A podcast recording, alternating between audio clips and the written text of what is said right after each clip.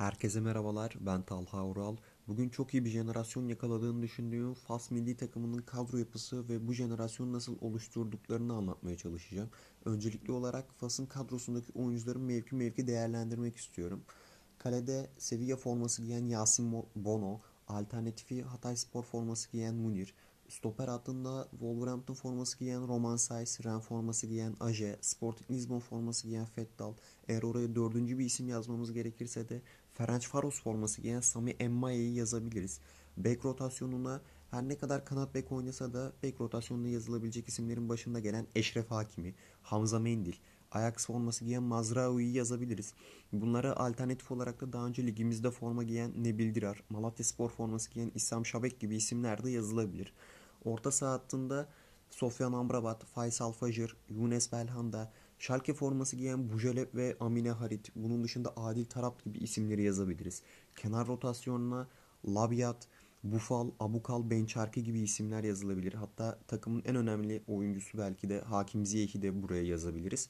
Ve 2018 Dünya Kupası'nda Santrfor mevkisinde sıkıntı yaşamıştı Fas. Ancak son yıllarda Yusuf Ennesiri'nin inanılmaz bir performansı var. Kesinlikle birinci santrfor olarak Yusuf Ennesiri'nin yazılacağını düşünüyorum. Alternatif olarak Olympiakos forması giyen El Arabi. Üçüncü bir isim yazmamız da gerekirse daha önce Malatya Spor forması giymiş olan Halit Butayib'i buraya yazabiliriz.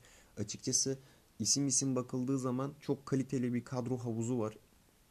Fas milli takımının ve bunu çok iyi bir değerlendirebilecek teknik adamları olduğunu düşünüyorum. Bu isim Vaitel Lojic aslında birçok e, Türk futbol sever Vaitel Lojic'i yakından tanıyor. Yakın dönemde Trabzonspor'u çalıştırmıştı hatırlayacağınız üzere.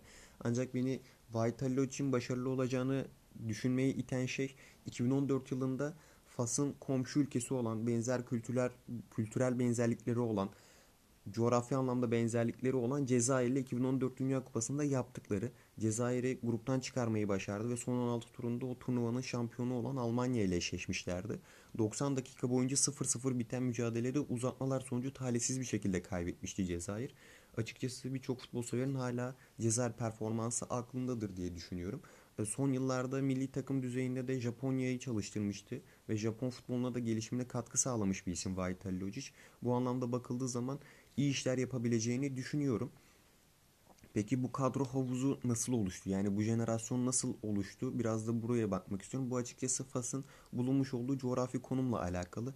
Çünkü Fas bir Akdeniz ülkesi ve İspanya gibi çok çok iyi bir futbol ülkesine çok yakınlar ve Fas'taki birçok ailede gerek ekonomik ve ticari anlamda İspanya'ya göç ediyor. Özellikle en çok göç edilen bölge İspanya'da Granada ve Sevilla şehirleri.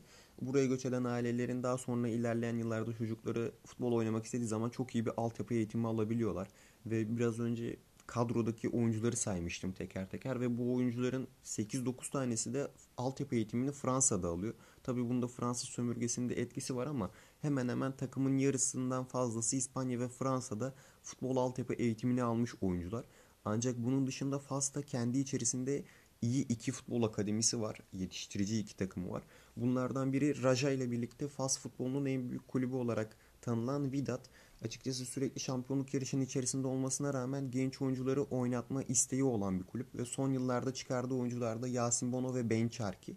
Bir diğer futbol kulübü ise Akademiye Muhammed 6. Futbol Kulübü. E, bu kulübün bu ismi verilmesinin nedeni Kral 6. Muhammed tarafından kurulmuş olması. Açıkçası bu kulübün kendi hedefleri var. Bu hedefleri ülke çapında genç yetenekler bulabilmek ve bu kulübün bir spor çalışması müfredatının olması ve uygulanmasını istiyorlar. Bununla birlikte futbol sahalarını geliştirmek, ulusal seviyeye çıkarabilmeyi amaçlıyorlar.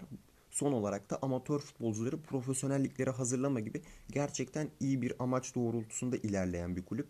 Ve bu kulüp 2009 yılında kuruldu. Yani daha yeni bir futbol akademisi. 10-12 yıllık bir futbol akademisi olmasına rağmen Yusuf Ennesiri, Aje ve Hamza Mendil gibi 3 önemli ismi çıkarmayı başarabildiler. Açıkçası Fas'ta hem kendi altyapı eğitimini almış oyuncular hem de Avrupa'da futbol altyapı eğitimini almış oyuncularla beraber kurulu karma bir yapı var ve bu karma yapıyı çok iyi bir şekilde yönetebileceğini düşündüğüm bir teknik adamları var. Bu yüzden gelecek turnuvalar, turnuvalar adına e, çok ümitli ve beklentiliyim açıkçası.